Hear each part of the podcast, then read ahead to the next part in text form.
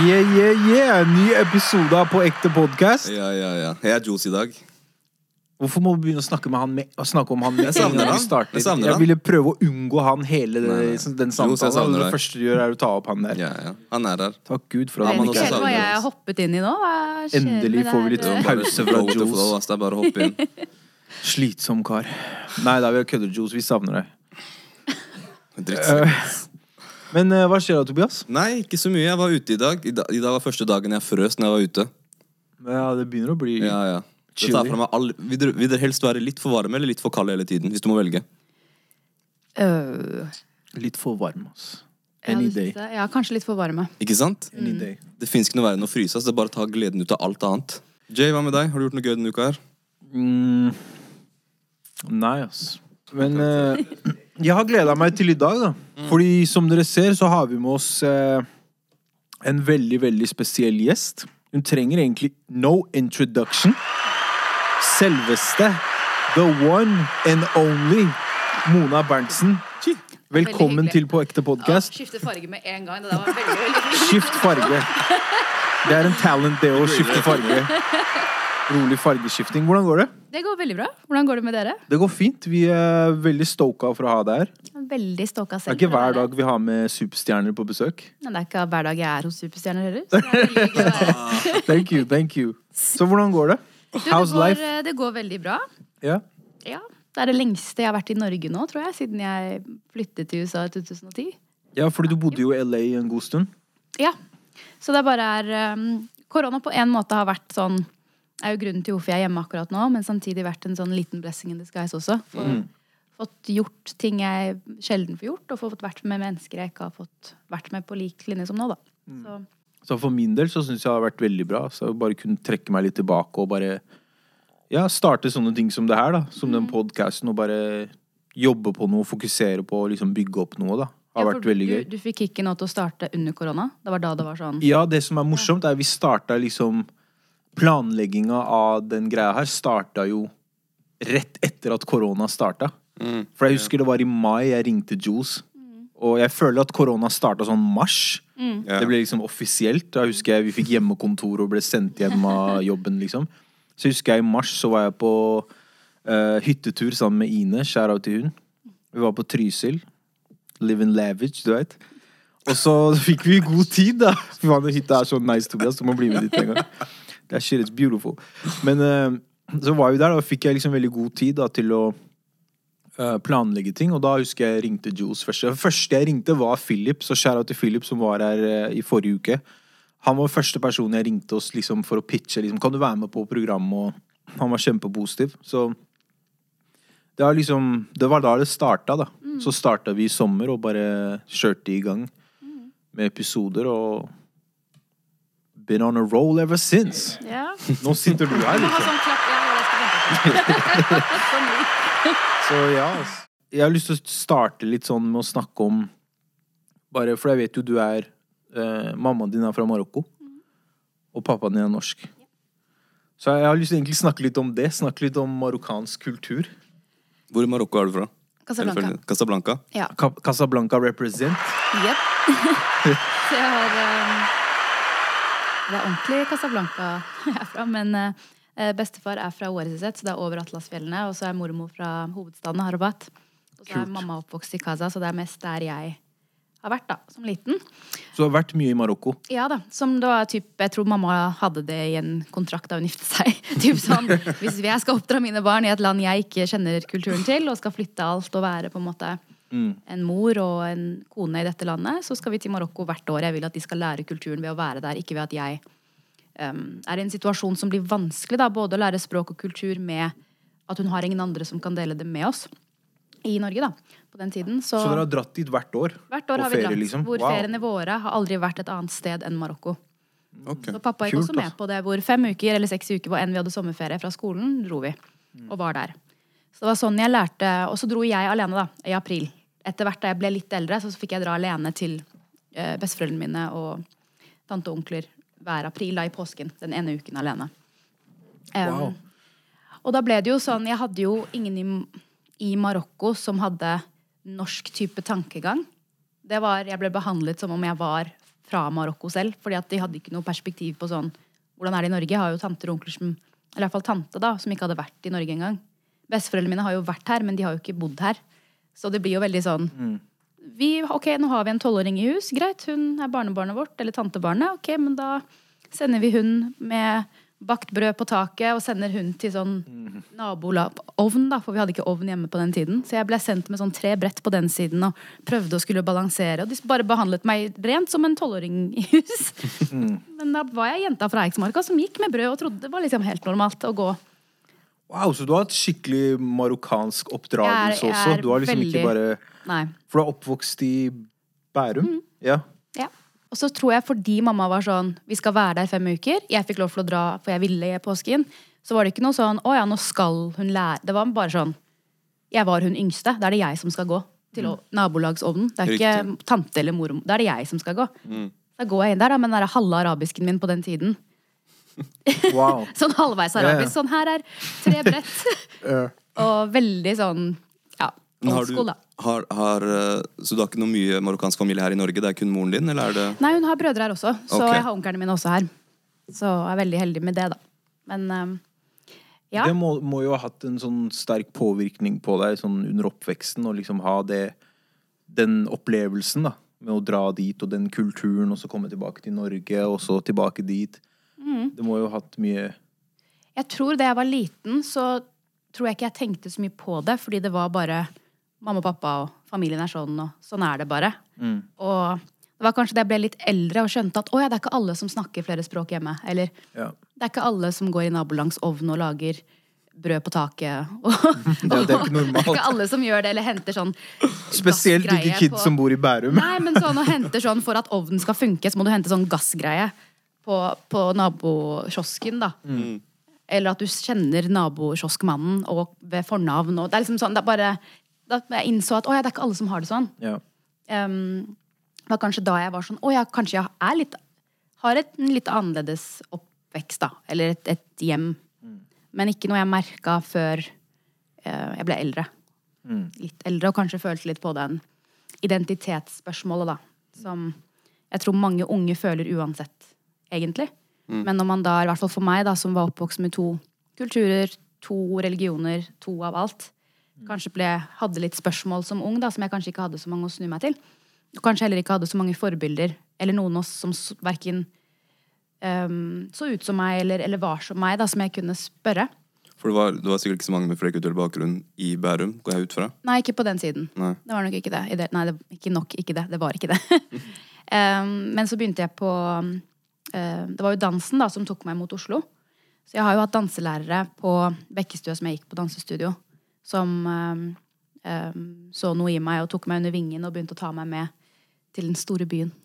Så, før, du går, før du går lenger inn på akkurat det Tenk på liksom det du sa med å bære de her greiene på hendene og løpe rundt på taket. Og, så når du sa det, da, så satt jeg og tenkte sånn Hvordan i all verden startet, gikk det fra det til å starte med dans? Hvor kom dans inn i bildet? Dans tror jeg nok, for at jeg husker ikke når jeg selv begynte. Mamma og pappa forteller at jeg begynte å danse da jeg var i gåstol, så jeg kunne ikke gå ennå. Så dans har alltid vært Ok, Så du har alltid vært, uh, vært glad i musikk. rhythm in your ja, ja. så jeg er nok, jeg, Men det, kan, det skyldes nok familien min òg, fordi at um, Nå er pappa fra Nord-Norge, og så har du mamma fra Nord-Afrika. Så s- man kan si så mye man vil at det er mye forskjeller, men det er veldig mange likheter òg. I både kultur, menneske og kvaliteter. Kan du gi noen eksempler? Nei, altså De er begge høylytte, de har begge veldig mye å si, de er begge strenge. de er begge veldig rett fram. Altså sånn, Det er veldig mye likt, da. Men det er jo selvfølgelig forskjeller, men det er mer forskjeller i at man må lære om, om hverandres eh, kultur og religioner. Men det er veldig mange likheter. Um, men, eh, men dansen, for mine foreldre i hvert fall, har vært veldig glad i musikk, begge to. Fra jeg var liten, så for oss var det en vanlig fredagskveld var at vi danset hjemme. Mamma, pappa, meg og lillebror. Og så hele Dans- alle. familien? Danset hjemme. Wow. Du vet, bare sånn hopper. Ja. Jeg var veldig sånn som liten at jeg snakket på inn- og utpust og helst sånn Se på meg, se på kjolen min, nå danser jeg for deg. Jeg var sånn i veldig mange år.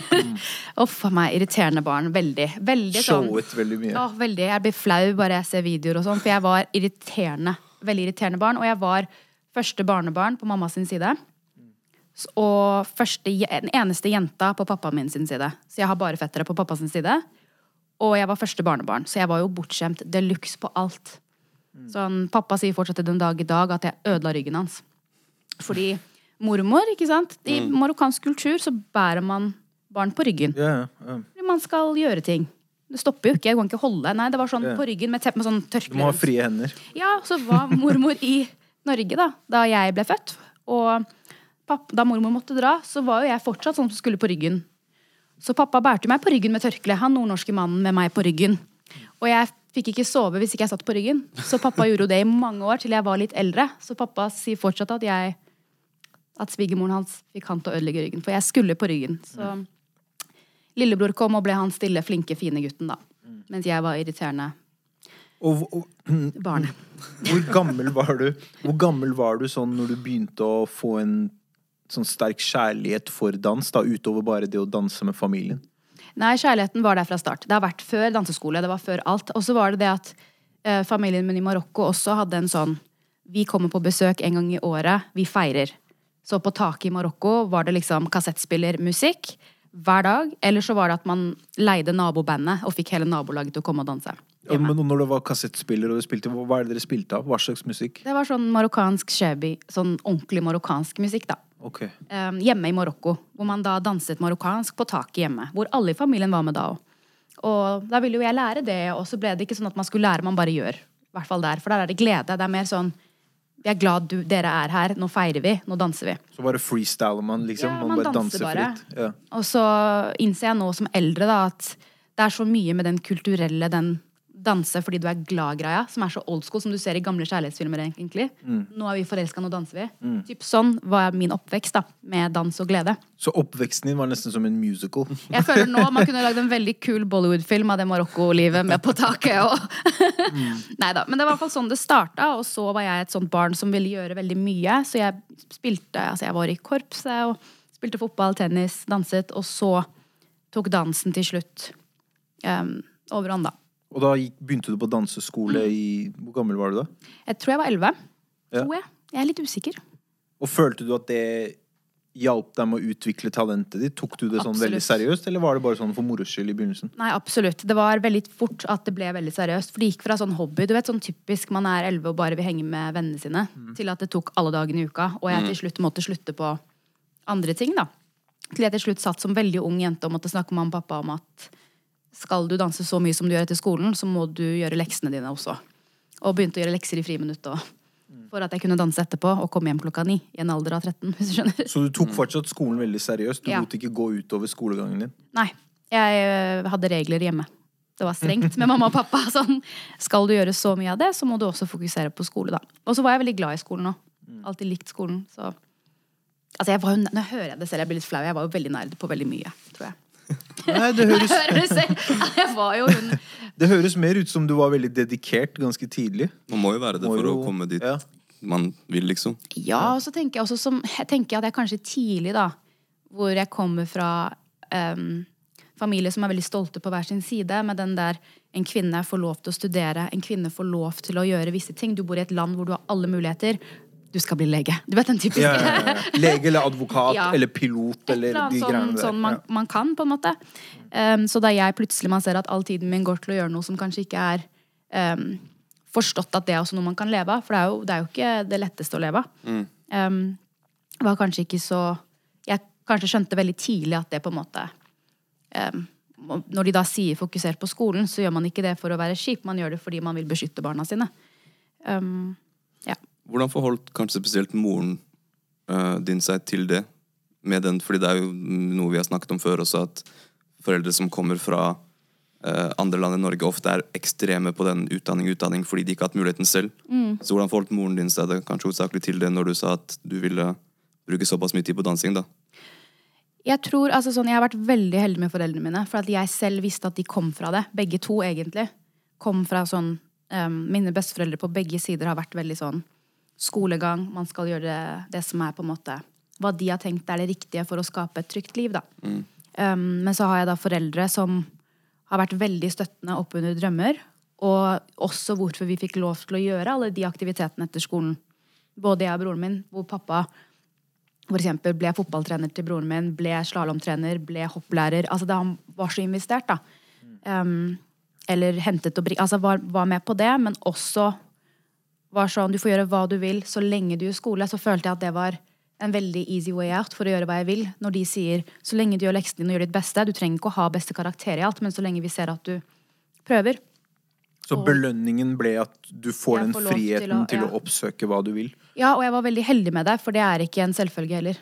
For noen familier. Nei, nei, å, kunne, å ha muligheten til å ha foreldre som sier å ja, du vil prøve det. Shit, du er dårlig på det, men ok, du får lov til å prøve det, hvis du skjønner. Fotball, for eksempel. Syns fotball var gøy, men det var også fordi at alle fetterne mine spilte fotball. Broren min spilte fotball. Jentene. Det var gøy å være med jentene på fotball. Men jeg var ikke sånn at jeg Nå skal jeg bli fotballspiller. Da var, det var ikke det Mer for sosiale. sosiale, fordi det var hyggelig med alle jentene, og vi dro på turer og spilte cup. Vi hadde til og med sånn taprop. Vi hadde ikke noe vinnerrop. vi hadde et taprop, som jeg husker. For dere var så dårlige. Vi tapte, vi tapte, det driter vi i. Vi kommer tilbake, og da vinner vi. Det er rart. Jeg husker det. Hey, det er veldig en liten loser anthem Ja, det er altså sånn, men igjen, jeg var veldig glad loser. Ja, ja. Men det er bra, da. Heller tape og bli Bygge karakter. Ikke sant? Så ja. Gud. Den har jeg aldri hørt før. Blir Altså. rød nå? Men igjen, jeg husker i hvert fall Jeg husker det, da. Men det, var, det, det er bare det jeg mener med at jeg fikk muligheten til å gjøre disse tingene selv om jeg var dårlig i det, til jeg fant ut selv. Det er kanskje ikke dette jeg skal. Så Og hvor, hvor mange timer brukte du og dager i løpet av ukene på å bare trene, trene, ja. trene? Jeg tror nok av hele mitt liv så er det nok det jeg har gjort mest. Er å sant? trene. Ja. Sånn på godt og vondt. Trene fordi jeg har vært dårligst i et rom, eller trene fordi jeg vil um, bort fra en vanskelig situasjon, eller trene fordi identitetsspørsmål, sp ehm, identitetsspørsmålet på en viss tid av min unge alder var veldig vond, da. Jeg satt inne med kanskje mye spørsmål, og jeg det er Egentlig typisk ungdom. Ja, ja, typisk ja. usikker ungdom. som ikke, Puberteten ja, og tenårene. alt det der, er forferdelige tingene som skjer med alle. Den der da, så ble det sånn, Dansen ble sånn hjemmested, og det er så klisjé, men det er sånn det er. Det ble det. Det var da jeg da fikk alt ut, og så har jeg aldri vært så uh, flink med ord. Så som liten var det der jeg på en måte fikk ut alle følelser, da, på godt og vondt, var i dansen. Så det ble et sånt eh, sted. Og så tror jeg personligheten min kan være veldig sånn jeg kanskje har en sånn addictive personality når jeg først tenker over det. Hvor jeg da var sånn Shit, jeg er dårlig på det her, men jeg ser at det kanskje hvordan, hva, Hvor mye kan jeg trene for å få det til? Du blir litt, litt sånn forelska i det jaget Ja, om å bli bedre og, og Ja. mestre det, da. ja, for jeg har vært veldig, veldig dårlig veldig mye. Men så elsker jeg da å, å se Det er nesten så det adrenalin, Jeg blir liksom litt glad av å tenke på det. Den derre åh, shit, dette suger jeg på. Hvordan kan jeg få det til? Um, og som liten var jeg nok verre enn nå, tror jeg.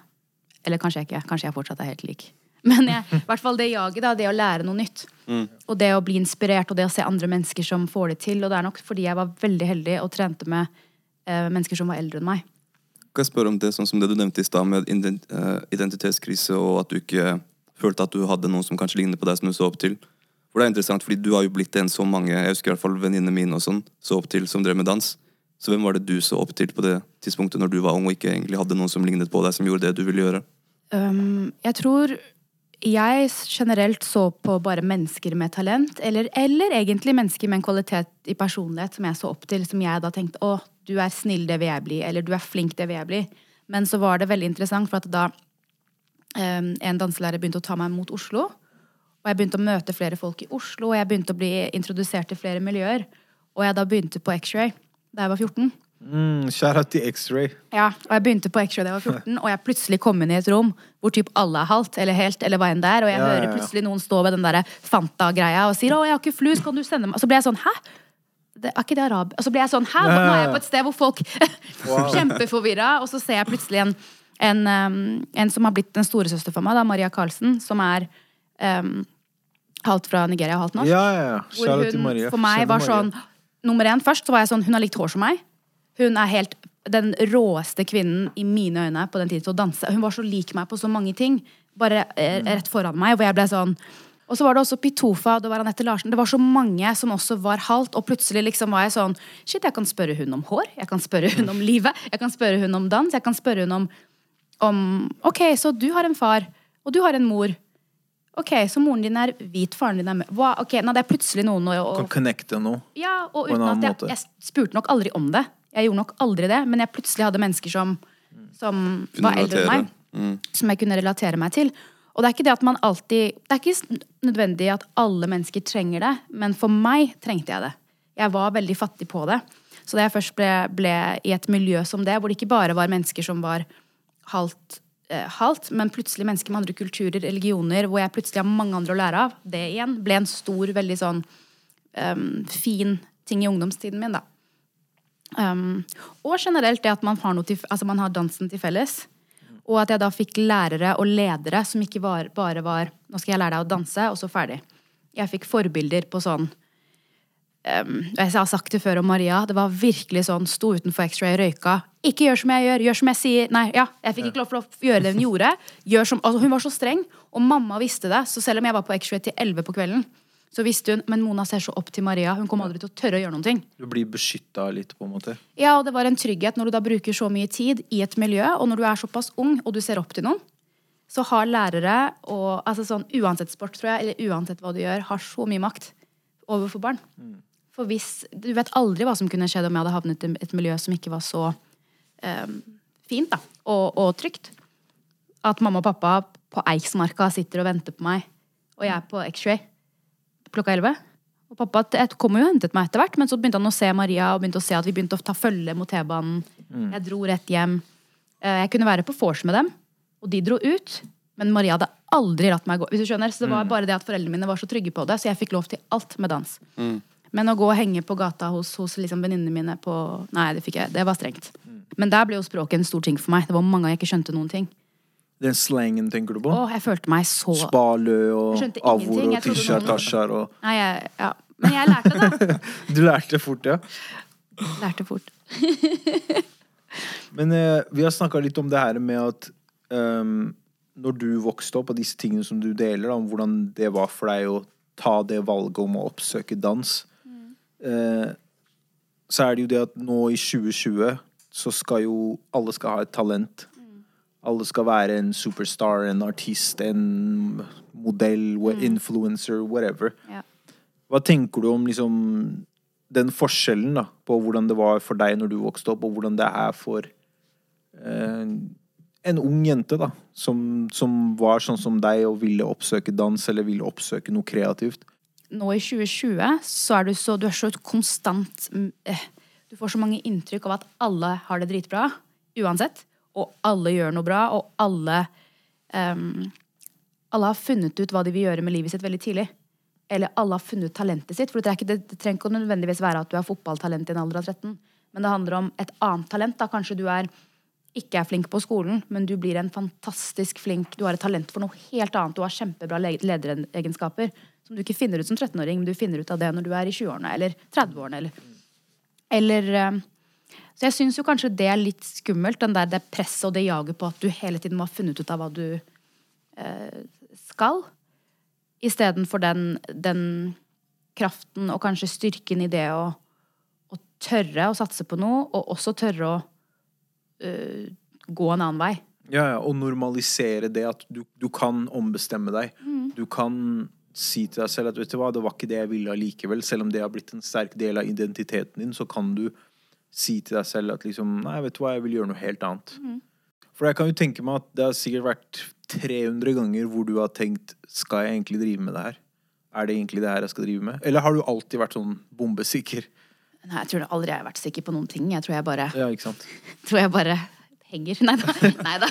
Jeg, eh, jeg elsker det jeg gjør, og det er fordi at jeg elsker dansen, er det som at jeg har holdt ut i bransjen av det. Sånn, Jeg har gjort lidenskapen min til kontoret mitt. Og det er ikke alltid at det er det sunneste for alle. Nei.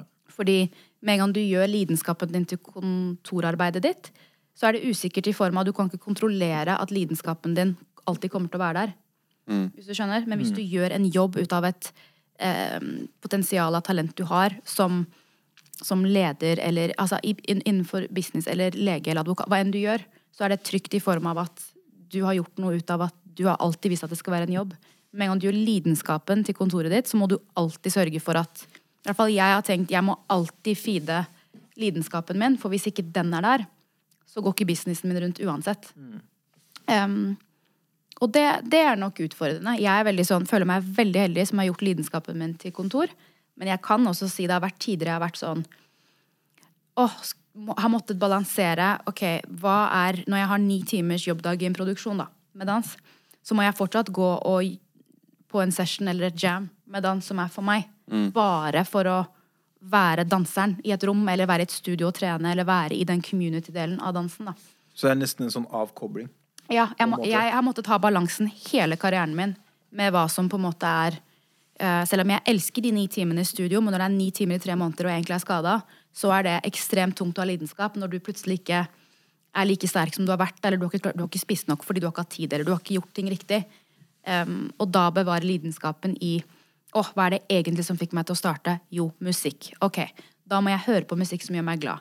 Ok, hva annet? Jo, community, mennesker, jam, sessions, the underground ved klasser. Da har jeg alltid måttet bevare det utenom, for at jeg da kan gjøre jobben min bra. For da, er, da feeder jeg lidenskapen min, så jeg kan være på topp hele veien. Fordi før så har jeg jo dansa det er jo mye færre timer når du har det som bare lidenskap og du gjør alt annet ved siden av. Hvor jeg som yngre hadde skole og dans, hvor du da har en hverdag som er basert på mye mer. Men når du plutselig har det som er sånn Hva hvis ikke jeg vil danse nå?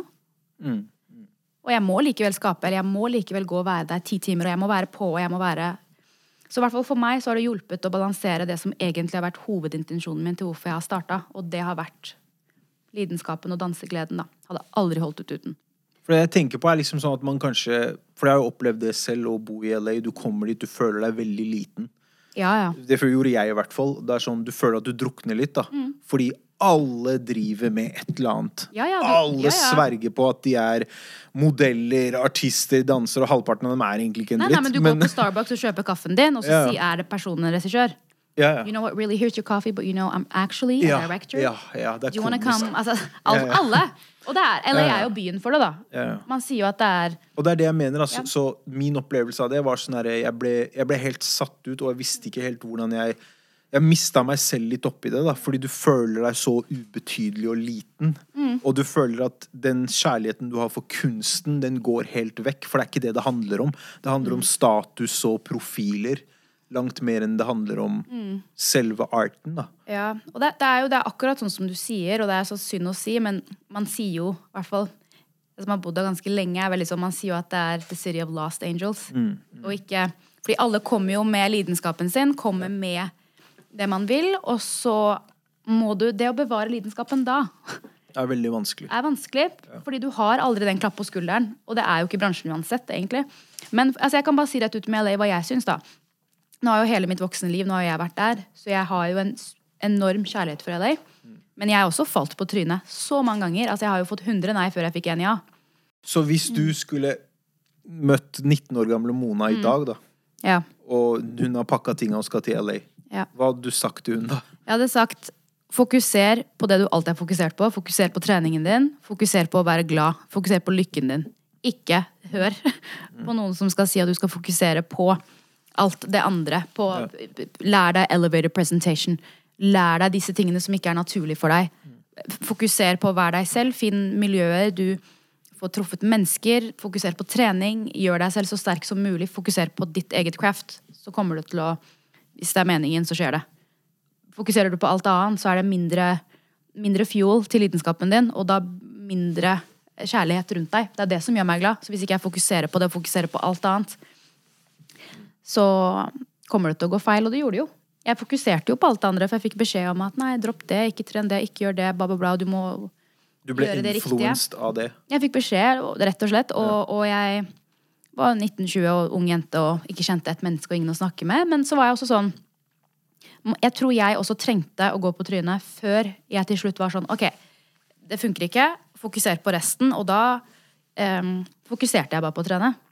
Og så fikk jeg et annet forhold til meg selv, fikk et annet forhold til treningen min. Og det at jeg da fikk jobb da, er jeg så takknemlig for nå. At jeg ikke fikk de mulighetene da jeg prøvde å være noe jeg ikke var andre.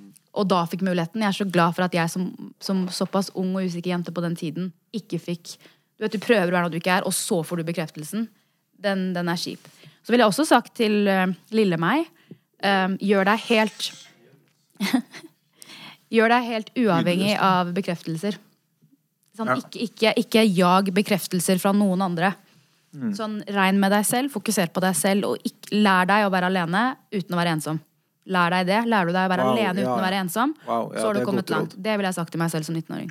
Det er veldig godt råd. Lær deg å være alene uten å Være ensom. være Ja. ensom. Ja. For det kunne jeg ønske. For det selvfølgelig, jeg gikk gjennom masse ensomhet, men til slutt så begynte jeg lærte jeg å være alene. Hvor jeg da plutselig gikk på eh, Jeg husker eh, jeg var på en bar med bok. ikke sant? Her de luxe jeg er det. Jeg gikk på en bar med bok. Hvorfor gikk du på en bar med en bok? For jeg tenkte Mona, nå skal jeg dra alene på et sted hvor det er live musikk. Jeg elsker bandet, men jeg har ingen å dra med. Så nå drar jeg alene, og så må jeg ha noe å gjøre. Så folk i hvert fall, liksom, hvis noen Så ser på bok var løsninga, Ja, jeg liksom? vet, jeg så sikkert helt tullet ut. Men det som var eh, interessant, var at jeg traff noen den kvelden der som ble noen av mine nærmeste venner i LA. Og det bandet er fortsatt noen av de nærmeste jeg kjenner. Okay. Så det ble liksom et sted jeg fikk dratt og bare altså, Også øvd på å gå alene. Å, jeg vil gå dit, men jeg er alene. En venninne jeg skulle dra med, kunne ikke. Og så var det sånn, nei, men da blir jeg hjemme, da. Nei, dra. Så jeg lærte å være alene uten å være ensom. Men først var jeg jo kjempeklein og dro og leste den boka og følte meg liksom satt der. Ja, men dere ler. Ja, men, skjønner men jeg sitter der og bare Men eh, Det høres ut som en sånn klassisk film. Å, sånn der film. filmscene, du vet. Går inn på en bar. Hvilken bok liksom. var det? Var det en spesiell bok? Hvilken bok var det? Rektoren back her i the Ja. game! jeg, jeg får nesten lyst til å si Polo Coelho og Alkymisten, men det var, det, nei, det var ikke det, tror jeg. Det hadde vært veldig typisk, ikke sant? Det hadde vært veldig sånn Du husker ikke hva det var? Nå har jeg vært i LA, det er smoothien min, yogamatta, og så leser jeg Ja, Alkymisten. helt klar. Det hadde vært helt Starbucks og Alkymisten, ja. ja. Nei, da, jeg husker ikke hva jeg leste, men det var bare det at jeg tok meg selv i kinnet og var sånn Nei, nå skal jeg lære meg å gjøre ting ut fra at nå kunne ikke venninnen min, og jeg vil dra likevel.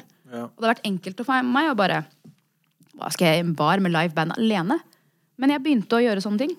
Og det fikk meg til å sette pris på alenetid. For at igjen, da, som det å flytte hvor mine beste venner er her, familien min er her, jeg kjenner ingen der. Du får kollegaer som du er glad i, men jeg var til slutt alene. Sånn, du er på turné alene, alle disse tingene. Og det å være ok med å henge alene og egentlig sette pris på sitt eget selskap. Men det er også som du sa, det er det med at alle vennene dine er her og sånn. Fordi når man er såpass dedikert som du er til noe, enten det er musikk eller dans eller whatever, så må man jo ofre mye også. Man må jo ofre tid med venner og familie og den tryggheten du hadde der i Norge og sånn, da. Hvordan var det du Hva var det som gjorde at du valgte fortsatt når du var der alene og sånn at du tenkte det er fortsatt der jeg vil, selv om alle vennene mine er der, selv om jeg ikke har de folkene her, så vil jeg fortsatt gjøre det her. Det er et veldig godt spørsmål. Jeg skjønner ikke hva jeg drev med. Neida. Jeg skjønner ikke hvorfor jeg ga den. Neida. Nei, jeg tror jeg bare Det var et sted i meg som jeg tror var sånn Jeg følte meg så heldig at jeg hadde støtten fra familien min som støttet det at jeg nå skulle gjøre dette for meg selv. Skulle, og så var jeg også sånn jeg følte at jeg hadde fått et potensial i noe jeg faktisk elsker å gjøre. Og jeg ville ikke at fordi jeg nå syntes det ble vanskelig og hardere og hardt, skulle stoppe det. Jeg var mer sånn hvis jeg først skal, skal dra herfra da, så skal det være fordi jeg selv føler sånn Men det gikk ikke for meg, eller det var ikke riktig, eller det funka ikke. Men ikke fordi at jeg ble såpass kjørt i hodet mitt og lei meg fordi alt annet tok plass enn enn um, en dansen, da. Da var jeg heller sånn prøv ordentlig Mona nå med dansen og fokusere på det du hadde gjort i Norge. Hva hadde du gjort i Norge nå, egentlig? Jo, jeg hadde vært på klasser. Hva hadde du gjort? Jo, jeg hadde vært på sessions. Jo, jeg hadde vært i, på den underground jammet. Gjør akkurat det, så ser vi hvordan det går. Føler du at jo, jo mer oppmerksomhet som er rundt deg, jo mer du vokser som en profil, at du setter mer press på deg selv? Eller føler du at du blir mer komfortabel jo mer du vokser som profil? Komfortabel i forhold til hva da? Nei, jeg bare tenker på at det, Man setter jo sikkert et press på seg selv. At du føler at du kanskje må leve opp til alle forventningene mennesker utenfor har til deg. At liksom, Hva er neste? Hva skjer nå? Hva skal du gjøre videre? Skal du bli enda større? Skal du gjøre noe enda kulere? Lar du det gå inn på deg, eller føler du det presset, eller bare tar du det som det kommer? Nei, jeg føler kanskje ikke noe press utenfra. Jeg kanskje da kan si rett ut at jeg nok har slitt med å være i nuet og egentlig oppleve eh, visse ting. Sånn Wow, nå gjør jeg dette. Eller Oi, dette har du jobbet hardt for. Og feir det, liksom. Jeg er nok ikke noe Jeg, flink. jeg ler fordi Sorry, jeg må bare avbryte deg, for vi har snakket så mye det? om det der. Ja. snakka med Philip forrige gang. Vi snakka om det? det med Ja. Philip. Jeg tror vi har snakka om det i hver eneste episode. Ja. Jeg tror jeg understreker det hver gang veldig Mm. mye, Fordi det er det jeg har slitt mest med. Ja, Det er liksom det å være til stede. da Man er Ja. aldri til stede. I hvert fall vi som er kreative, fordi du er trapped i din egen mind. Mm. Og vi er, vi, er, vi, er, vi er blessed med å ha masse ideer og Mm. mange tanker og det å tenke utenfor boksen. Men samtidig så kan den blessingen også bli en curse, fordi du sitter fast i ditt eget hode og din egen fantasi om hvordan livet ditt eller karrieren din skal utspille seg. Så glemmer du å bare nyte det øyeblikket som er her og nå, for det får du kanskje aldri tilbake igjen. Nei, og så er det også noe med det å feire sine små seire, da. Selv Ja, om ja. det kanskje er bare lite. Sånn jeg skulle feire at jeg dro til den baren med den boka. Du skjønner? Det var en stor ting for meg. Eller jeg skulle feire da jeg gjorde det og det showet for første gang. Eller første gang jeg gjorde VMA, eller første turné. Altså, bare feire det. Sånn, shit, jeg har jobbet hardt. Og så gjorde jeg ikke det. Eh, Når jeg tenker tilbake til lille jenta som var fem år og elsket å danse, Ja, ja. så feiret jeg ikke det. Fordi jeg var aldri sikker på om jeg kunne ha den jobben. Det var tusen andre jenter på den audition. Å, jeg kunne det og det. Eller, eller sånn um, tenkte, tenkte alltid jeg kan alltid bli bedre. Se på alle rundt meg. Jeg har så ma- masse å lære. Jeg kan, jeg kan jo ingenting, egentlig. Liksom Den der tankegangen for meg tror jeg alltid har vært der. sånn Jeg kan alltid øve mer, jeg kan alltid bli flinkere, jeg kan alltid gjøre det bedre. Enn å faktisk si sånn Ok, du har kommet langt i forhold til hvor du var for et år siden. Eller for fem ja, år siden. celebrate Ja, det. selv om det er lite. Trenger ikke å være noe svært. Bare sånn, åh, gøy. Og så gå videre. Istedenfor å bare si sånn Gå videre. Hvis du skjønner? Men tror dere, tror dere da at man kan For jeg har tenkt litt på det også. For sånn som Jeg husker jeg så et intervju med Drake, og de snakker om det også. At med en gang de gir ut et album, så er det ikke sånn at de feirer de bare greit. Neste Rett album. videre til neste. Tror dere egentlig man kan komme til sånn som de to har kommet, uten å ha den innstillingen der? At man hele tiden vil videre, og at man aldri hviler og aldri feirer at man bare går videre?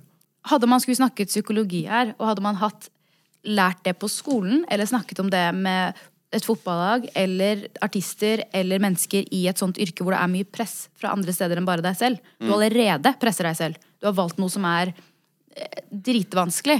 Du har allerede press. Ok, psykologisk, hva tenker man da? Ja, du kan kanskje gjøre det x antall år. Når stopper det at du går på en vegg fordi det er for mye press? Når stopper det? Når, sto når kan du begynne å tenke innover og reflektere. Ok, men hva er sunnest for meg som menneske? Hvordan kan jeg fortsette i titalls år? For meg som danser, da. Ordet restitusjon var sånn Kødder du lat, eller? Altså, for meg så var det sånn restitusjon. Skal jeg chiller'n? Hva er det for noe? Hva er det? Jeg trenger å øve. Hvor jeg nå som eldre er sånn Å, om jeg faktisk sover nok, spiser nok, har en restitusjonsdag hvor jeg ikke er sånn Ok, jeg skal ikke danse i dag, jeg har ikke trening i dag. Sånn som for eksempel i en produksjon for meg, da. Har ni timers dager, seks dager i uka, har fri søndag, for eksempel. Så den søndagen da skal jeg gå tur i skogen, og jeg skal ta yoga, og jeg skal ta pilates. Altså sånn hvor jeg egentlig burde bare sittet stille. Ja. Um, så, er, så er det unaturlig, for da føler jeg meg lat. Og det er en uting, egentlig. Fordi musklene mine ser jo ikke på det som De ser jo ikke forskjell på om jeg går tur i skogen eller trener yoga. Altså, da har jeg fortsatt musklene i gang, hvor jeg kanskje egentlig trenger en dag fri. Um, hvor jeg setter mye mer pris på ordet restitusjon nå, for skjønner at da kan jeg komme sterkere tilbake. Ja, ja. Om du er entreprenør, eller om du er sang, låtskriver, om du er musiker, hva enn du er. Fordi at, tenk deg at du går, går, ender opp på en eller annen tur på Echo Park. Du ser en fantastisk saksofonist som sitter og spiller alene. Du blir inspirert. Du drar i studio med Altså Det er så mange måter å skape inspirasjon på som handler om deg som menneske, hva du går og opplever, enn at du bare låser deg selv. Nå må jeg skrive noe, eller nå må jeg lage noe i studio. Nå skal jeg bare danse for å trene på den måten og gjøre ting på den teknikken, enn å gå og bli inspirert som menneske først, og så um, blir du sterkere, da, uansett hva du skal gjøre. Men det er sånne her ting man blir etterpåklok på, tror jeg. Har du, føler du har blitt bedre på det nå? Og det å være i øyeblikket og kunne se på det du har oppnådd, og liksom ta det inn i øyeblikket mens du er der? Eh, jeg prøver å være mye mer bevisst på det. Jeg er nok fortsatt veldig dårlig på det. Jeg er nok veldig fortsatt sånn som er det adrenalinjaget på at du alltid skal uppe meg selv eller være bedre eller prøve å trene på noe mer eller alltid føle at jeg har så mye respekt for både de eh, som er eldre enn meg, ved siden av meg, de som er yngre enn meg. Jeg føler at jeg alltid har noe å lære. Så jeg tror nok jeg aldri Altså jeg er veldig dårlig på å kanskje feire visse ting, men jeg prøver å være mye mer Altså i nuet føler jeg at jeg er flink til. Sånn å være, Hvis vi sitter og har en samtale, så er jeg til stede med deg. Men å feire meg selv, det er jeg kanskje dårlig på. Det er vel todelt. Det også er like viktig. Ja, det er det. Det er like viktig. Absolutt. Så det jeg, kan jeg si om meg selv, da. Jeg er kanskje litt dårlig på det. For akkurat nå, stedet, når du sa det, akkurat nå når du sa det, så så jeg for meg den der, det bildet du, du tegna i stad om at du løp rundt i Marokko som som tolvåring, eller hva det Se var. på meg. Ja, ja.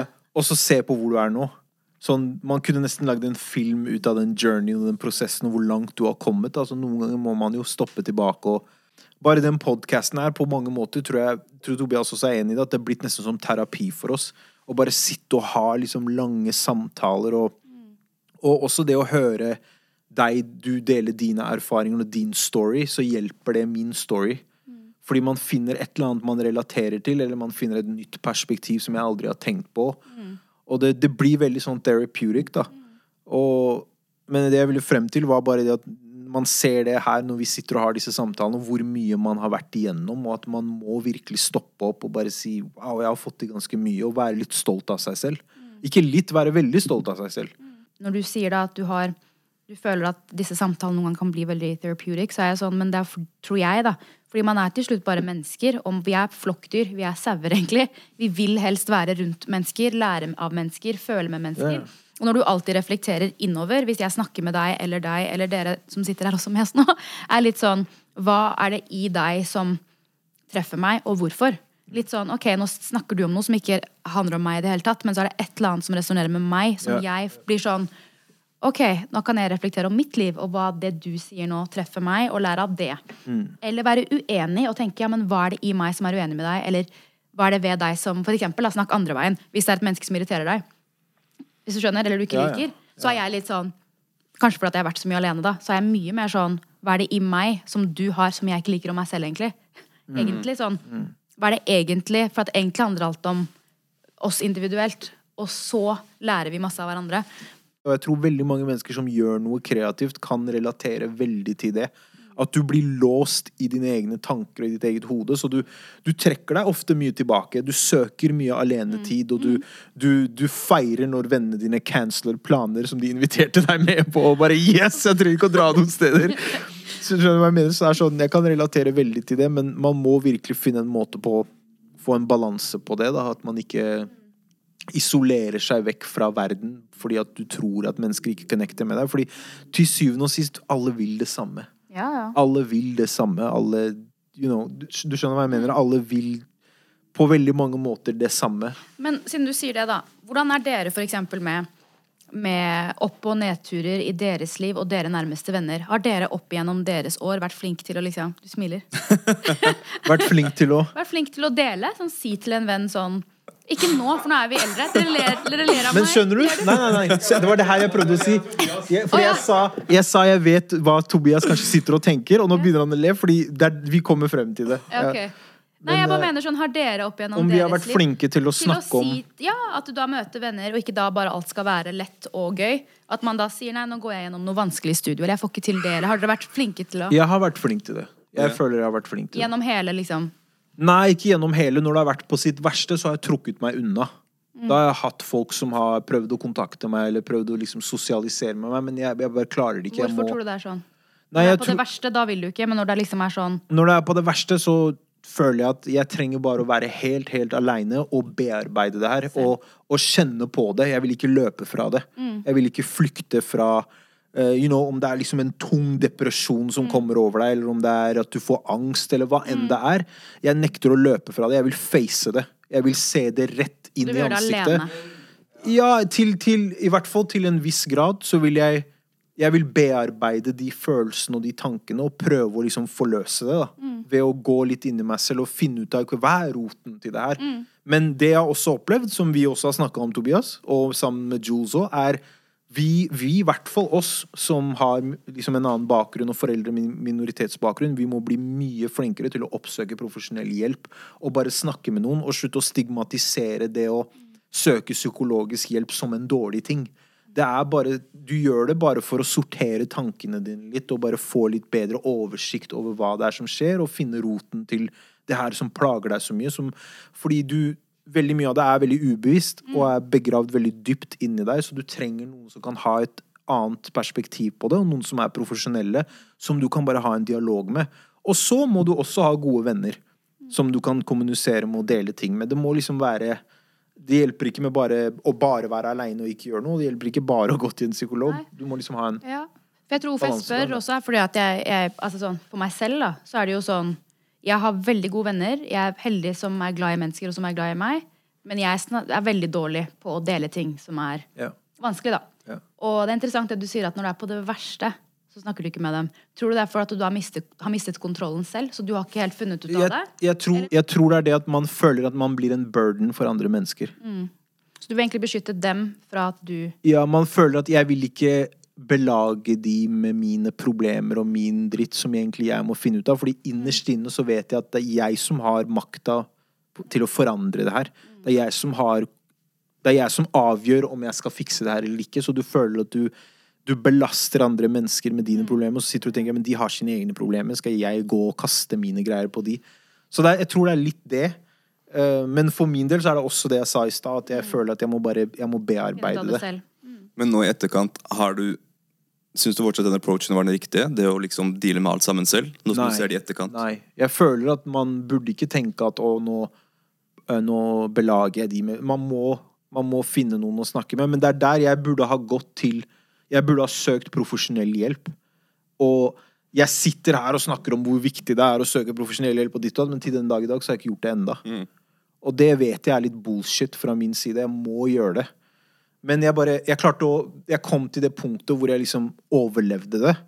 Så jeg følte at ok, nå er ting litt mer stabilt. Jeg, nå klarer jeg meg. Jeg trenger ikke å gå dit. Men jeg vet at jeg trenger å gjøre det. Det er bedre å gjøre det nå før det blir 100% før du kommer tilbake dit igjen. Du må også snakke med noen profesjonelle. Det er utrolig viktig. Spesielt oss, med den bakgrunnen vi har, og de tingene vi har sett. og Foreldre som har kommet fra krig og elendighet, og ting de dealer med, og trauma som de har i livet sitt, som, som på mange måter har kommet over på meg, og som jeg bærer videre ubevisst. Så akkurat det syns jeg er veldig viktig, da, at man, at man gjør noe med. Um, så jeg har ikke noe fasitsvar på det, men jeg bare føler det er en kombinasjon av flere ting. Sorry, Jeg bare merker at, skulle- eh, Ah. Jeg bare merker at jeg syns du er tøff, jeg, som sier det her rett ut sånn. Nå. Bare jeg merker nå at jeg som menneske som sitter Ja. nå på en podkast, og så sier du denne set altså alt det du sa nå, Ja. merker jeg at jeg sitter sånn Wow, så tøff du er. Jo, ja, takk. Jeg, jeg Sånn, tenkte ikke på det på den måten. Jeg tenkte bare at det er min experience, og jeg, jeg tror det er viktig å ikke skamme seg over sin experience, uansett hvor ille den er. Absolutt. Du må bare wear it. Det er det det er. Det her er livet mitt, liksom. Det er sånn Ja, men det er det som er også er veldig fint med vår verden nå, at vi Ja. har disse eh, plattformene hvor man nå kan føle seg ikke så alene i forskjellige følelser, da, eller opplevelser eller tanker. Og se det nærme, enn å, enn å noen ganger bare se resultatet av et, hva en mennesker velger å vise av seg selv. Men at vi nå har tøffe mennesker som dere, som tør å lage en sånn her type plattform og snakke om sånt. Jeg syns det er veldig, veldig fint. Det som er liksom fundamentet i alt, da, uansett hva du vil gjøre, eller hvor du ønsker å gå hen, så handler det om intensjon. At så lenge intensjonen din ikke er for å bare tilfredsstille egoet ditt, men intensjonen din er for å skape verdi for andre mennesker, så vil du vinne at the end of the day. Så jeg vil egentlig at du skal snakke litt om det. At du, hvordan har din intensjon forandra seg etter hvert som du har blitt voksen? Jeg tror Sånn som da jeg, jeg var yngre og skulle starte med den, som jeg har sagt tidligere, så var intensjonen min med hele den var å bli så god jeg kunne bli. Var sånn, Jeg følte jeg har fått et potensial. Hva kan jeg gjøre med det? Jeg, hvor langt kan jeg dra det til Egentlig rett og slett på, på meg selv. Hvor det da har vært at alt jeg har opplevd i min karriere, har vært for meg. Hvor jeg nå kanskje med alder har vært sånn Åh, jeg drømmer om å være en Maria Karlsen, da. Og kunne dele, og kunne ta noen under ving, mine vinger. Og dra dem opp og frem, og bli de menneskene som er Om jeg skulle nevnt navn, så det Jeg hadde aldri vært utøveren jeg er i dag uten alle de menneskene. Det hadde vært navn jeg Det er så mange. Fordi det handler ikke bare da om lærere som har gjort sånn. Det er noen da har vært elever på lik linje som meg, som har gjort masse for meg under den tiden, uten at de kanskje vet det. Hvor jeg um, um, Hvor jeg da, intensjonen min kanskje har utviklet seg mer nå til det. At jeg ønsker å dele mer, jeg ønsker å skape verdi for andre. Jeg ønsker selv å skape mer verdi i meg selv. I lykke, i glede, i meg personlig, enn en kanskje meg eh, hva skal jeg si? For det har jo vært for meg òg. Hele karrieren min har vært at jeg har ønsket å blitt så flink som mulig. Ok, Der har jeg kunnet lære, der har jeg kunnet lære. Og om det er på en turné eller i et studio, har bare utviklet seg til større og større ting. Og det er fint, men det har vært samme intensjon fra min side. Ok, denne turneen går i tre år. Ok, hvor mye kan jeg lære her? Se på alle de menneskene rundt meg. Det er jo som X-ray. Bare på en annen plattform. Det er akkurat likt. Det er jo bare mennesker, egentlig. Eh, bare det at det har utviklet seg at nå er jeg med et band jeg reiser rundt med. Og hva kan jeg lære av de? Jo, han nå sitter, jeg hører irriterende at jeg nesten må ringe på telefonen, for nå sitter han og øver på trommesettet sitt oppe på hele showet. Fra tap til barom i to timer, tre på natta. Ok, men det er inspirerende. Han trener på showet, for han er nervøs. Da vil jeg også trene. Skjønner bare den inspirasjonen hvor mange du har å lære av, fordi alle egentlig er nerder overalt. Hvis du elsker det du gjør, så er du ja. nerd på det du gjør. Ja. Så Jeg sier nerd med masse kjærlighet. ja, Men sånn bare det at intensjonen da har vært det. Jeg tror også at hvis du finner en intensjon i deg selv som handler mye mer om deg, kjærlighet, lidenskap og push, så er det også eh, sunnere for deg, da. Enn om det skal handle om noen sånne utvendige sånne ego... Fame og fortune, liksom. Ja, men det er eh, Hva er det? Hva er egentlig det? Eh, Det er, ingen- Egentlig. det er Sånn. luft. Ja, men hva, det er egentlig ingenting. Det er, altså, sånn, hva er det du er, har fame og fortune av, da? Kanskje når jeg har hatt minst penger og var sånn aspiring danser, hvor jeg typ eh, valgte å spise sånn sample-druer, for jeg ville heller ta, bruke pengene mine på danseklasse. Hva, hvor rik følte jeg meg da? Jo, jeg var kjemperik. Jeg hadde en mamma som ringte meg og fortalte at hun hadde det bra. Pappa som ringte meg. Altså, jeg, jeg følte meg så rik. Selv om kanskje ikke lommene mine var det på den tiden. Men sånn bare det å, å telle sine egne lykke i noe annet enn akkurat det. da. Men til slutt også finne ut om du da, hva er suksess for deg? Hva er suksess for deg? Å være ærlig med deg selv. Er suksess det, så gjør det. Hvis det gjør deg glad, gjør det. Um, og hvis det gjorde deg glad en viss periode av livet ditt, dritbra, og du plutselig velger noe annet, dritbra. Da er det styrke i å velge noe annet òg. Eller styrke i å si nei, eller Du sa noe i stad som Vi trenger ikke å ta med det her hvis ikke du ønsker det, men Oi, du nevnte Nei, nei, det er ikke noe, ille. Det er ikke noe ille. Eh, Du sa VMAs. For meg så VMAs har liksom vært en stor del av barndommen min. Det å følge med på VMAs. Å- våkne på natta, skru på TV. Ja, ja våkne på natta, se på VMAs, se på Ja. favorittrapperen min, håpe at de vinner en award. Det var liksom, Jeg husker back in the day, VMAs var liksom Det var en big event. Så jeg ble skikkelig curious når du sa det i stad, når du kasta ut den tittelen. Liksom, hvordan var det? Hvordan var den opplevelsen? Levde det opp til Øh. forventningene, eller hadde du forventninger? Eller? det var, en av mine, altså, det var mitt andre store awardshow. Mitt første awardshow i LA var Black Girls Rock på BET i New York. Okay. Første, min første i LA var VMA med Chris Brown, hvor han da var tilbake. Og vi var liksom Nei, nei men sånn. Nei, men det er dritfett. det var min første sånn Wow. VMA-opplevelse. Var første gang. Og da var vi Se, du må, du må feire deg selv. Ser du der Nei, sånn skulle Gud, du feire deg selv. Jeg ga deg applaus. Du må Nei, soak sånn, it in. nei, men da var vi Det var som var stort da. Jo, det må jeg, ja. Takk. Ja, ja. Fordi Chris Brown, si wow. Hvis når vi snakka med Philip, bare hvem er favorittartisten din av all time av R&B-artister? Han bare Chris Brown. Ja, men han er, Oh, han er, er liksom... helt fantastisk. Og det var sånn Da var jeg 21. Og Det han, er sinnssykt. og han er jo 89, så han var 22, så vi var jo barn hele gjengen. Men vi var, vi var fire jenter og 20 gutter, tror jeg. Og showet var sånn, det, altså sånn Chris hva skal man si, han er den best betalte danseren i verden, tror jeg. For han er jo en danser også. Ja, ja, ja. Han er artisten råeste, men han er også en danser. Så når du står ved siden av en mann som er 1,90 et eller annet, og jeg på sånn en Er han så høy? Er han så høy? Jeg Er tenker på det sjøl. Ja, han er drithøy. Ja. Men sånn når du står ved siden av eh, et, et fyrverkeri av en danser, da, Ja, ja. og du virkelig får lov til å pushe på det høyeste nivået, og man står der fire jenter og åpner vi, altså sånn med han, da, så var det sånn for meg utomjordisk følelse, fordi jeg selv var ingen, ingen kjente meg, hvis du skjønner. Mm. Ingen visste hvem jeg var. Jeg var hun som hadde fått en mulighet.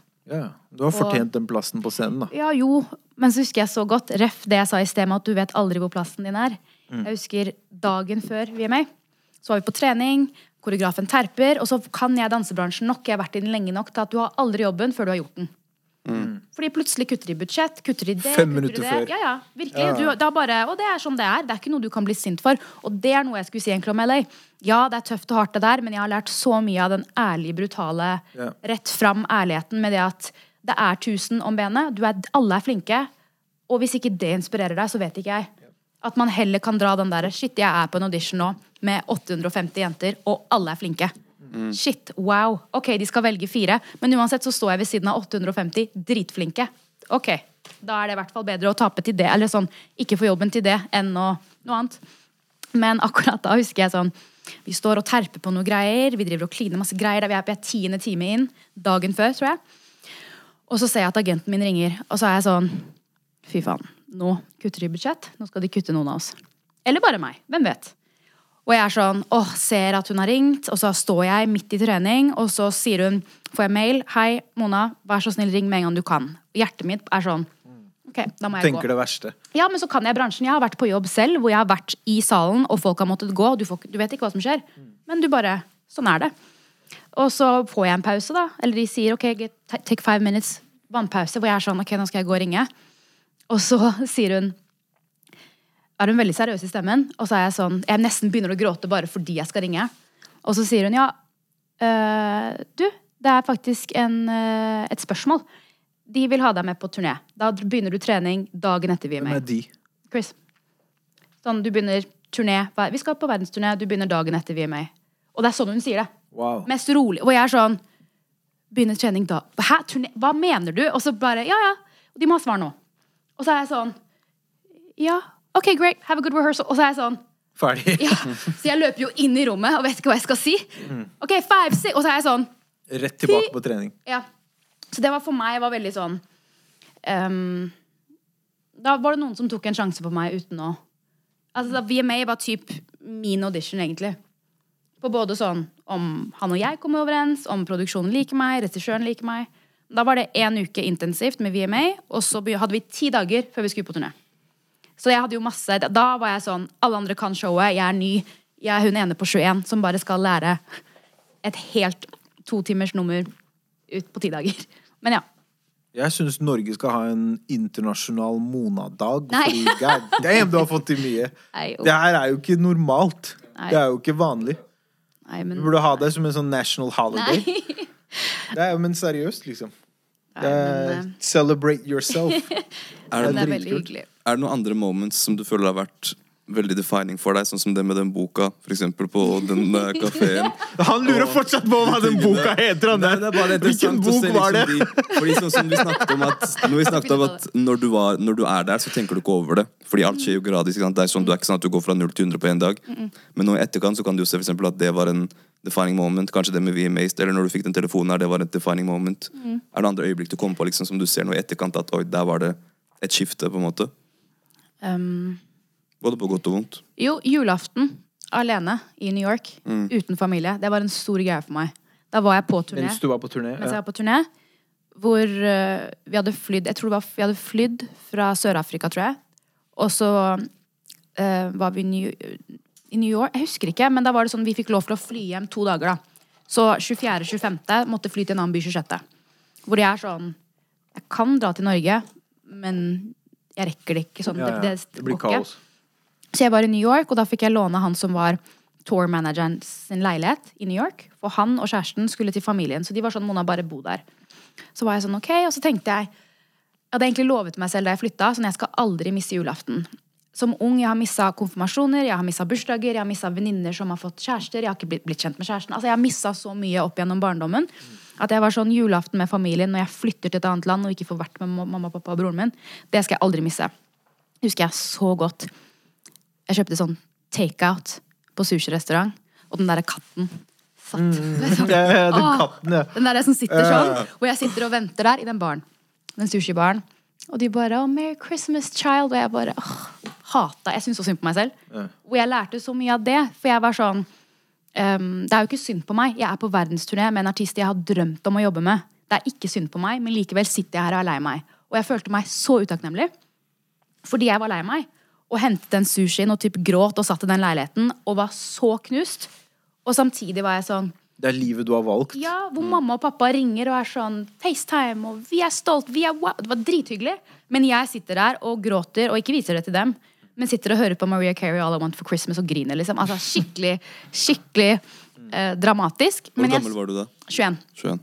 Jeg syntes så synd på meg selv, og det var ikke det. Og jeg tror den derre følelsen med Jeg er på verdensturné med noe jeg har drømt om, men jeg er så lei meg fordi jeg savner noe som er så viktig for meg i livet, satte meg veldig på sånn um, Du har lov til å være lei deg. Og liksom gi seg selv sånn Jeg er ikke utakknemlig for at jeg nå er lei meg fordi jeg savner mamma, pappa og broren min og juletreet og blandet med litt marokkansk musikk plutselig. Altså sånn Jeg har lov til å være lei meg. Det, er, det er ikke feil. Ja, ja. Det er- Du er ikke utakknemlig. Den var også en stor greie for meg. For jeg var jo kjempeglad. Eh, og utad, da. Bra, men inni meg var jeg jo, var jeg jo sår. Da. Så kom jeg tilbake på jobb hvor alle hadde vært med familien sine. Men jeg hadde vært alene, og så var ikke det liksom Det, går jo helt fint. Det er, jeg har sunn, alle var friske og sunne og alt det der.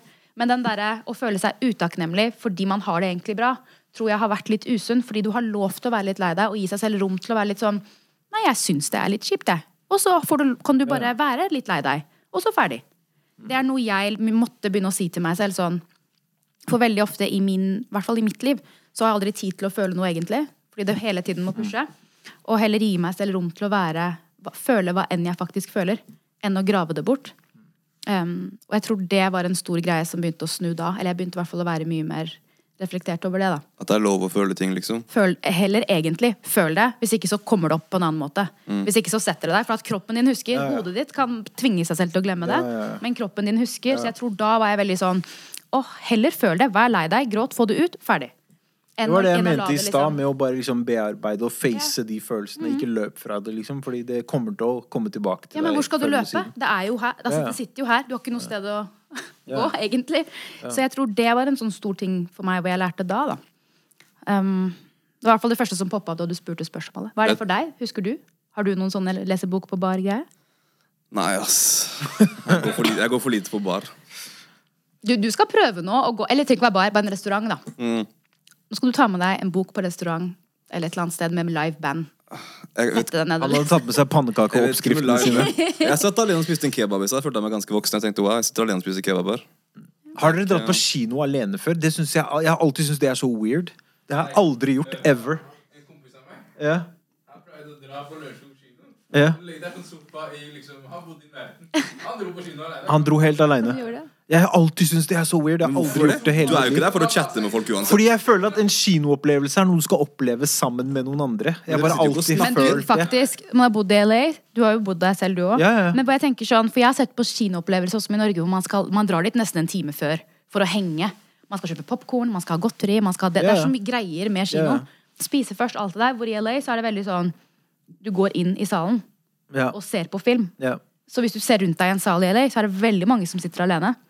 Egentlig. Jeg har kanskje aldri tenkt på det. Og så tror jeg veldig mange i LA også går fra en sal til en annen og bare har sånn filmdag. Bare sånn egentlig. su- surfe rundt dra på kino. Jo, jo. Ja, ja. Men, det er det. men jeg, tenker, jeg har aldri gjort det selv, men jeg har sett mange som gjør det. Og jeg Ja, jeg liksom- dømmer ingen. Jeg bare jeg har aldri Stop judging people, Men kanskje det er det du skal prøve å gjøre nå? ja, Kanskje Du skal lese bok på et eller annet sted alene, og du skal på kino alene og bare sitte der med popkornen og Ja, ja. føle deg akkord. Jeg liker tipsene fra Mona her. Fra sida her. Gjør Kan du, jeg trenger noen andre tips, by the way. Ok. Kan du gi meg noen gode tips om noen bra spisesteder med marokkansk mat? I Oslo? Er det noe bra? Mamma? Jeg vet ikke. Jeg Er det bare dårlige greier? Mamma. Det er ikke noe bra? nei, men jeg, jeg, jeg har ikke Så, vært altså, så trist at det ikke ikke noen vært- gode jeg har, vært, jeg har i hvert fall ikke vært på en restaurant i Norge som har marokkansk mat. Hvis, hvis du vet om det, så vil jeg gjerne dra. Sorry, hva spiser, hva spiser dere på julaften? Siden dere har begge Hva er det? Nei, altså mamma har jo vært Nei, faktisk ikke. Men da kan det være kanskje tajin på lille julaften eller dagen etter. Men det er veldig sånn i mitt, I mitt hushold da så har det vært veldig sånn respektere jul for hva det er. Så det er julemiddag som mamma lager. Men vi har jo plutselig en twist med ting. Nei, jeg var i LA, så skal jeg prøve å lage en marokkansk dish. da ringer jeg mamma og er litt sånn Hva er det du egentlig har? For jeg må gå og handle. Og det er jo så mye ting, ikke sant? Så spør jeg hvor mye av det har du oppi der. Så sier hun nei, øyet ditt ser. Hva betyr øyet mitt ser? Jeg spør hvor mye Hvor mye av det skal jeg ha oppi? Nei, men du vet, øyet ditt bare ser det. Så er det sånn, mamma, jeg har ikke lagd couscous før. Jeg vet ikke hvor mye av det her som skal være oppi. Nei, men du må bare føle. Jeg tror det er en sånn marokkansk greie hvor man ser, sier at øyet ditt ser, og så bare Jeg tror ikke det er bare marokkansk. Det er litt overalt. For det, det er noe mamma også hadde sagt. etterpå, det kommer et svar. Ta så mye salt. Det er det der alle ja. sammen Ja. Mamma gjør akkurat det der, hun Ja, også. jeg prøvde til og med på FaceTime. Eller på den tiden da var det jo Skype. Min tid i LA først var jo uten Instagram og uten noen Ja. ting. Men da var det Skype, hvor hun sa ja, få se, få se. Så måtte jeg vise hun. Så hun bare nei, jeg ser ikke ordentlig. Få se litt mer. Så prøvde jeg. Hun bare ja, der. Der holder det. Men det er faktisk litt gøy, ref det der Skype-greiene. Når jeg først tenker tilbake på mine første turneer Min første turné var det sånn Sånn her, takk bilde sånn. Hvor artisten selv, hvor Chris selv var sånn Ok, ta et bilde. Og så poserte vi før første show. Ingen hadde Instagram. Det er gøy. Wow. Det fantes ikke. Vi hadde ikke noe sted å vise. Det var ikke sånn Hele min første turnéopplevelse fins jo ikke noe sted, tror jeg. jeg tror Ja, okay, ok, Så det er liksom ikke dokumentert, på en måte? Nei, jeg har bilder som en som var på turneen, tok for han, som vi har fått tilsendt på mail. Fordi Men du har ikke lagt ut disse bildene? Ikke fra første legg, tror jeg. Nei. Nei. Det kom etter hvert. Etter hvert fikk han en Instagram som het Fuck You Pictures, tror jeg. Og så fikk vi også Instagram etter hvert. Men da trodde jeg sånn På den tiden så var det jo sånn instant photos. Så det var veldig mye sånn mat. Eller sånn Koppen. Som jeg skal sende til de jeg er med, på en måte. Og så utviklet det seg. Men det er bare gøy at hele den verden der var jo før alt det der. Det var jo sånn, Jeg hadde jo sånn TomTom. GPS. Ja, ja, ja. Sånn, sånn GPS som var i LA. Som lille firkanta du hadde i bilen. Så måtte jeg søke i en sånn Navigation system, ja, basically. Men du hadde ikke mobil som hadde navigation system. Du hadde, du hadde ikke Google Vi høres Liksom. old ut, ass. Hadde Ja, Jules vært her nå, han hadde drept oss. Ja, men nå høres jeg gammel ut. Hvor, hvor mye eldre enn deg er Hvor gammel, liten er du? Holdt jeg på å er 94. Hvor liten er du? si. Nei, men siden han plutselig sa 26 og et halvt. Lille Tobias. Hvor liten er du, Ja, men siden han reagerte på sånn Ja, ja, ja. Hæ? Hva er det der? Men jeg hadde hørt om TomTom. Han het han. Bare sånn liten navigation-greie, bro. Vi hadde ikke bil, bror! Det, er- det er før din Matbar, tid, da. Jeg forstår deg godt. Det var lenge før din tid. Du var jo ikke gammel nok til å tenke på å ha bil engang på den tida. Ja, det er sant. Men dere vet TomTom? Ja, ja ok, Ja. Så du vet hva det er? Den vanlige. Snakk med fetteren din, da. Jeg hadde ikke bil, bror. Jeg sier til dere, hva skal jeg navigere rundt, gå rundt med den ute på gata? Som tiåring på ja, Ja. ja. Men da var det jo sånn i LA, hvor jeg hadde den TomTom, og så var det sånn nearest Starbucks. Det var ikke noe sånn, Jeg hadde ikke noe sånn 'nå kan jeg sjekke danseklasser'. Da var det sånn jeg dro på studio, så kunne jeg få vite 'å, den klassen er kansellert', eller Det var ikke noe side. altså sånn, Det var veldig old school. Noe som jeg er glad jeg fikk oppleve, men det er jo en helt annen tid nå. Men, ja, ja. men uh, typ sånn, jeg hadde jo heller ikke lappen da jeg først flytta. Eh, Hvordan var det? For jeg har hørt Eller jeg nei, du må bare kjøre. kjøring. Ja, broren min ja, kom ja. jo. Glem det. Lillebroren min er sånn som tok lappen av Glem 18 det. på dagen. Jeg gjorde ikke det. Så han kom jo til LA for å hjelpe meg med bil. Vi endte opp med å kjøpe en bil på bensinstasjon. Ble lurt trill rundt, betalte altfor mye for På en bil. kjøpte bensinstasjon? en bil på Hva slags bil var det? Go-kart, eller? Nei, en Jaguar 97. Wow. Ja, ja, men, men igjen, På veld, veld, veldig fin. bensinstasjon? Hvilken farge var den? Grønn. Sånn er mørk grønn. Å, vet du. de er fine. Veldig fin, men den var jo ødelagt. Ja, ja. Den var jo totalt Så lenge ødelagt, ser men vi fin kjøpte ut. den. Så skulle jeg ta lappen, så var det sånn det er ikke lov å, å øvelseskjøre med noen som ikke har California ID eller, eller Ja, ja. generelt. Kommer broren min da skal lære meg litt på en sånn parkeringsplass i mørket, for det er ikke lov. Um, ja, og så skulle jeg kjøre opp dagen etter. Kjørte rundt med en dame i 15 minutter. Og så kommer vi på, tilbake og skal jeg parkere. Jeg parkerer typ sånn. Så jeg kommer ut av bilen, og broren min er sånn Mona, vi skal øve mer, det går bra. Jeg bare nei, jeg besto. Det er helt sykt. Jeg besto. Men ja, For et Wild sted. Wild West, baby. For et sted. det er det. Men jeg lærte fort, da, kan man si. Måtte det. Gråt første gang linsen poppa ut. Seks filer, var livredd. Du vet, man lærte the hard way. Seks filer, ja. Det er mye gærninger ass, i LA. My, LA traffic. Ja, ja. God bless America. Ja.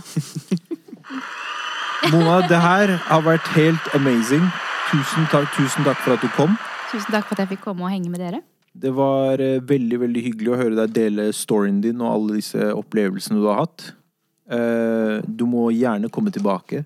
Anytime. Uh, Shout-out til Julesy, som eh, er savnet i dag. Shout-out til Yoni og Aman bak kamera. Takk til alle som lytter og ser på. Slide DM-en til Jules. Ja, er gjør det. Send han masse sånne Ja, det brenner. Ufine DMs til. Så ikke du får svar, det er fordi det er kø der. De, det brenner. Jeg har sett den innboksen her. kø der. Det er Ja, ja, det er 99, i hjørnet, det stopper ikke. Å, fy faen. Det er.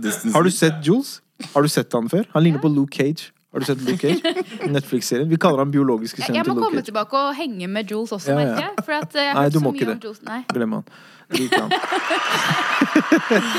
Tusen takk for at du kom, Mona. Tusen hjertelig takk for meg.